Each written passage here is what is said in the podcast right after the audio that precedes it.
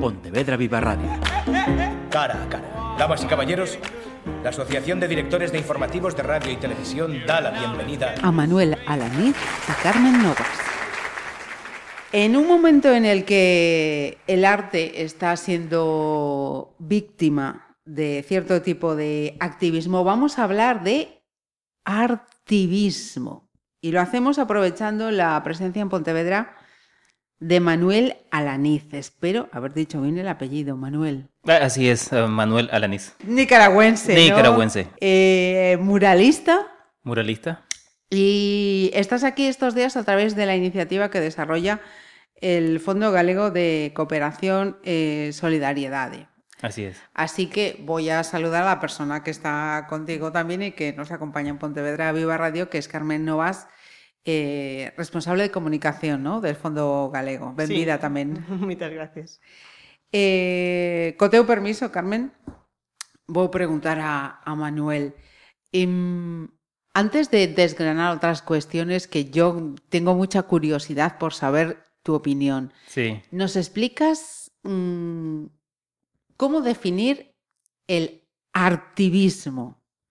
Sí, creo yo el, el artivismo es como un medio de comunicación. El, el, arte, en este caso, como yo lo veo, es una, un medio de comunicación. A través del arte nos comunicamos, nos expresamos, damos a conocer lo acontecido, lo que está sucediendo, lo que está por suceder. Y digamos que a través de esta manera es uh, buscar soluciones. Uh, soluciones donde involucramos toda una comunidad. Ajá. Um, quiero preguntarte, como activista, ¿no? Te defines sí. activista también.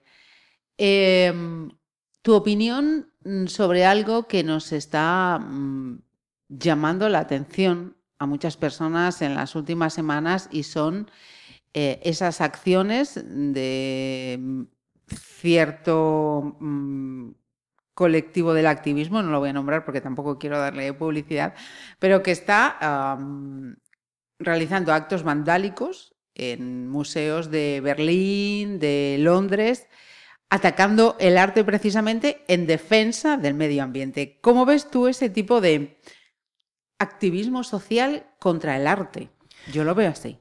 Sí, mira, esa pregunta me suena bastante interesante porque desconozco muy bien el fenómeno, cómo está sucediendo, pero sí te puedo decir de que el origen de la manifestación artística que se hace en, en, en, la vía pública es para da, dar a conocer un contenido, dar a conocer un mensaje, y fue uno de los temas que se utilizó desde hace muchos años con el, el asunto del, del graffiti. Uh -huh. No sé si te suena ese, sí. ese término del sí, graffiti. Sí. El graffiti en sus orígenes eran más como mensajes eh, uh, con letras y palabras. Hoy día el graffiti evolucionó y eso ha sido muy interesante. El graffiti hoy día tiene una composición, ya tiene un mensaje un poco más definido es un poco más artístico también, pero es la necesidad de poder manifestar tus ideas, tu opinión, mm.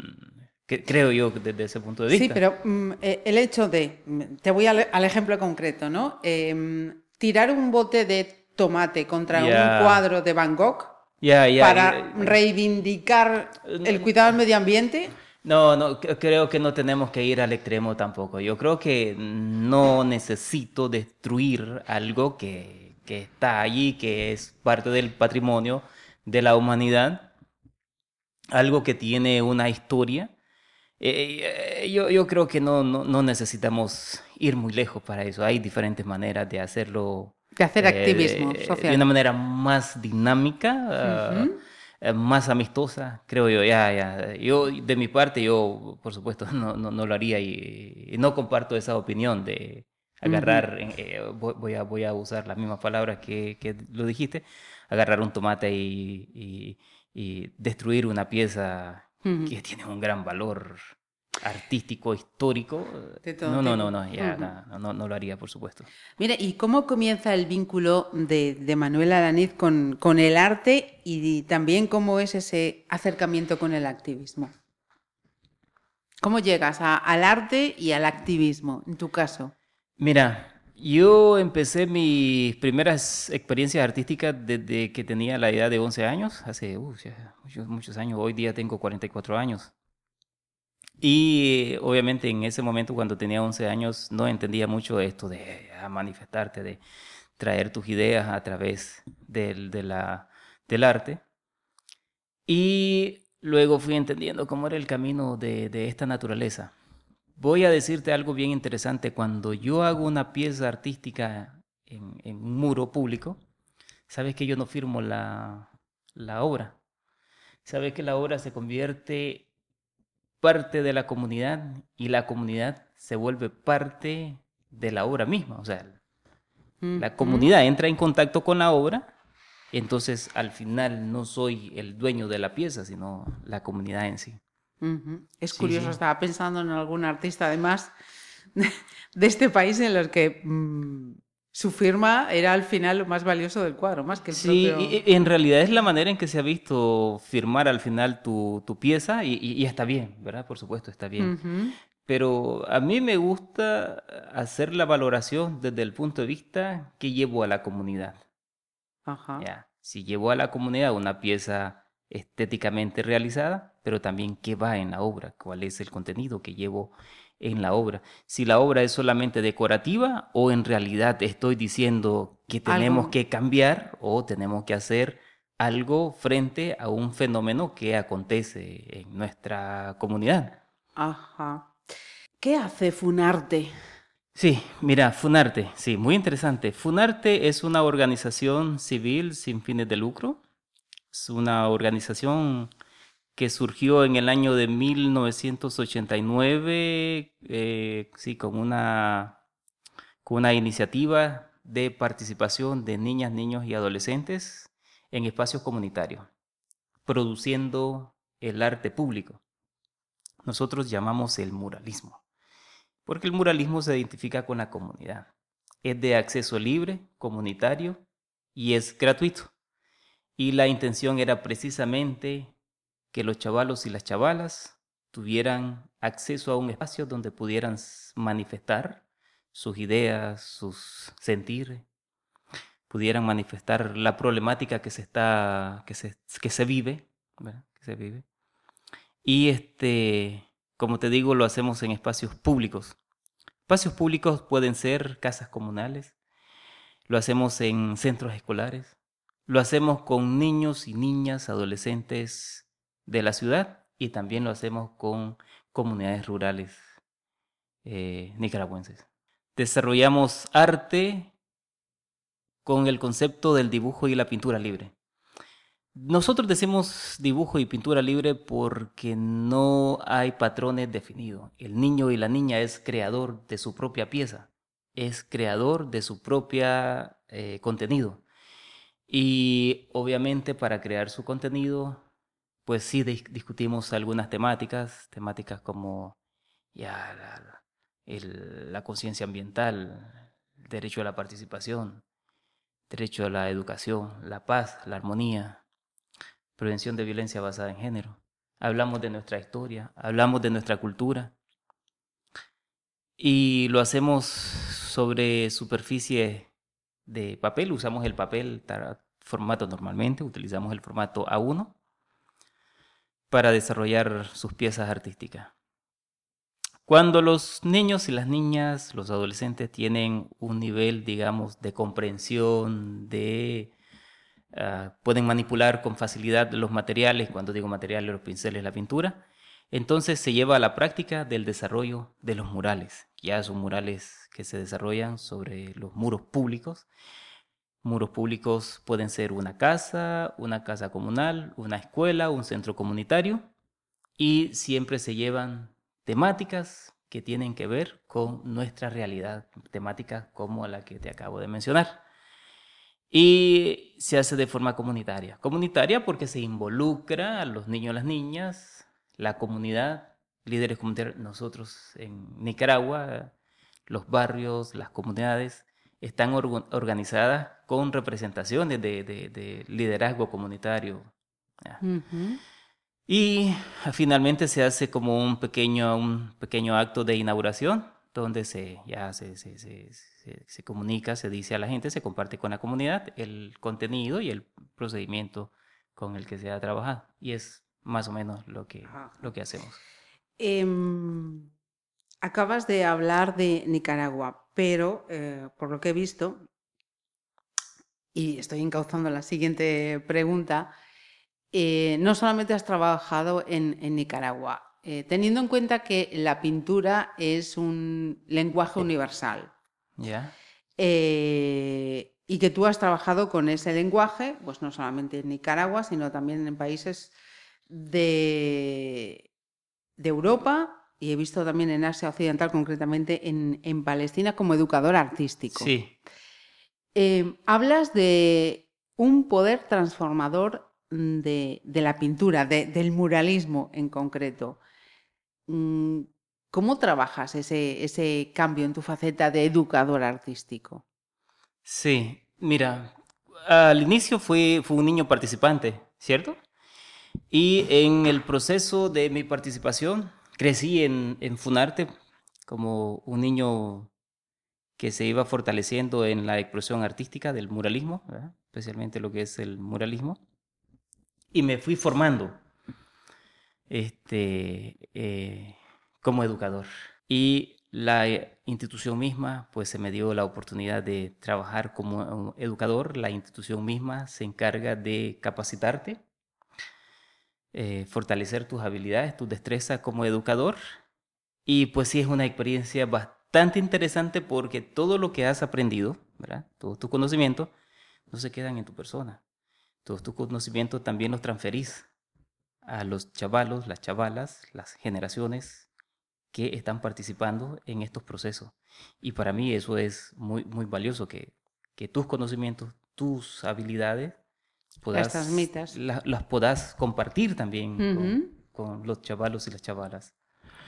Quiero contarte algo muy interesante que ha sucedido de experiencia, un, par de, de, de de casos. De experiencias muy bonitas que, que nos han sucedido. En una comunidad ah, de mi ciudad, de Estelí, estábamos hablando sobre la participación de los niños y las niñas.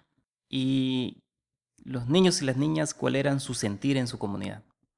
Y hablaron mucho sobre el derecho a la recreación. En su comunidad no había un parque. Y el tema que seleccionaron los niños y las niñas para trabajar fue la del parque. E, ellos querían tener un parque en su, en su comunidad. Y el mural se trataba de un parque en su comunidad, los niños y niñas recreándose en, en, su, en su comunidad. El alcalde de, esa comunidad eh, estuvo presente durante la inauguración y estuvieron las palabras de los niños diciendo queremos un parque. Y el alcalde dijo, ve, los niños quieren un parque, vamos a construir un parque. El parque se logró casualmente por la gestión de los niños y las niñas a través de la elaboración de esa obra de esa pieza artística. Entonces, yo quiero como tirarte la pregunta. ¿Transforma? ¿Tiene el, arte? ¿Es transformador? Eh, Basándonos en experiencias de no esa lo sé, lo que sí es, es muy revelador. Lo que tengo claro es que los más pequeños a través de un dibujo te pueden contar infinidad de cosas que no son capaces de transmitir quizá de otra manera. Eso es evidente. Pero viste cómo se materializó su, deseo, su, demanda a la municipalidad y la municipalidad ah, dijo, está bien, esto es lo que vamos a hacer porque ustedes lo están demandando, los chavalos están demandando esto y eso es una experiencia muy, muy bonita, ¿verdad? Ajá. Creo yo y por eso creo muchísimo en el arte como una fuerza transformadora, una fuerza que te lleva a la participación y cambios sociales, cambios comunitarios, cambios en la participación de la comunidad y, eso es igual, vayas donde vayas. Lo has comprobado por tu experiencia personal. Sí, así es. Con tu permiso, Manuel. Carmen, que é ese eh, proxecto People and Planet do que forma parte Manuel eh, e formais eh, parte tamén dende o Fondo Galego? Sí, como ben dixo, o Fondo Galego de Cooperación e Solidariedade é o socio, o único socio español neste, neste proxecto que engloba a oito países da Unión Europea máis Cabo Verde E o obxectivo do, do proxecto, a grandes rasgos, digamos que eh, involucrar a xente nova na, na loita contra o cambio climático non só concienciándose, sino tamén adquirindo novos hábitos. No? E por outra parte, outra componente do proxecto é fortalecer os gobernos locais para que leven a cabo estes, estes cambios. No? Un, un pequeno exemplo, como, como nos ponía eh, Manuel, pois podería ser eh, tamén un exemplo aplicable aquí, non? que de algún xeito haxa esta conexión entre as demandas da, da mocidade e a actuación dos gobernos locais no campo, sobre todo, do cambio climático, pero en xeral do que chamamos o desenvolvemento sostible no? a todos os niveis da, da Xenda 2030. Uh -huh. E, e precisamente eh, Manuel está aquí porque mm, temos unha xuntanza en Pontevedra este, esta semana.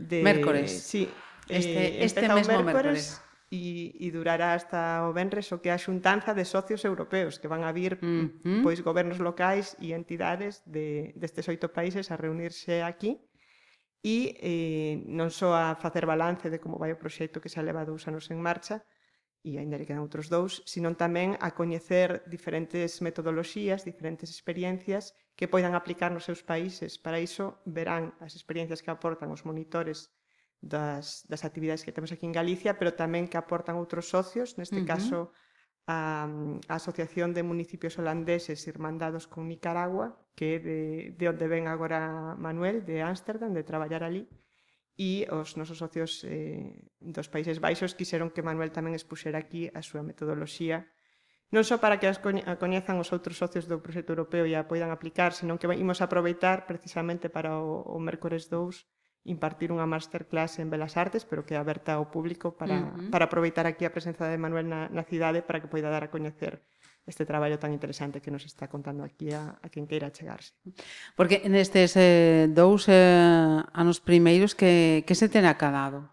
Mm, realmente eh, nos colleu arrancando coa pandemia e un proxecto con financiamento do programa de ar da Comisión Europea, entonces casi o primeiro ano casi foi todo de xestión, de botar a andar o, o proxecto. En este segundo sí que xa empezamos a implementar actividades, por exemplo, eh, coñeceredes aquí na cidade a, a Kiko da Silva, que vai a presentar a Manuel o, o mércores precisamente, eh, o garaxe hermético que está a impartir o que chamamos os obradoiros de debuxo urbano, cunha mm. finalidade mm. parecida ao do muralismo, no? pero máis eh, a nivel eh, individual, no? onde a uh -huh. xente pois traballa unha paisaxe urbana intentando poñer en valor precisamente este, estes valores da natureza, da conservación do medio ambiente e, bueno, Kiko está impartindo estes talleres en 10 municipios e ao final se fará unha, unha publicación con, con todas elas tamén en liña cos objetivos do proxecto. Uh -huh. Ou, por exemplo, a Gareso, a Asociación Galega de, de Comunicación para o Cambio Social, é encargada de impartir os obradoiros de, de comunicación de guerrilla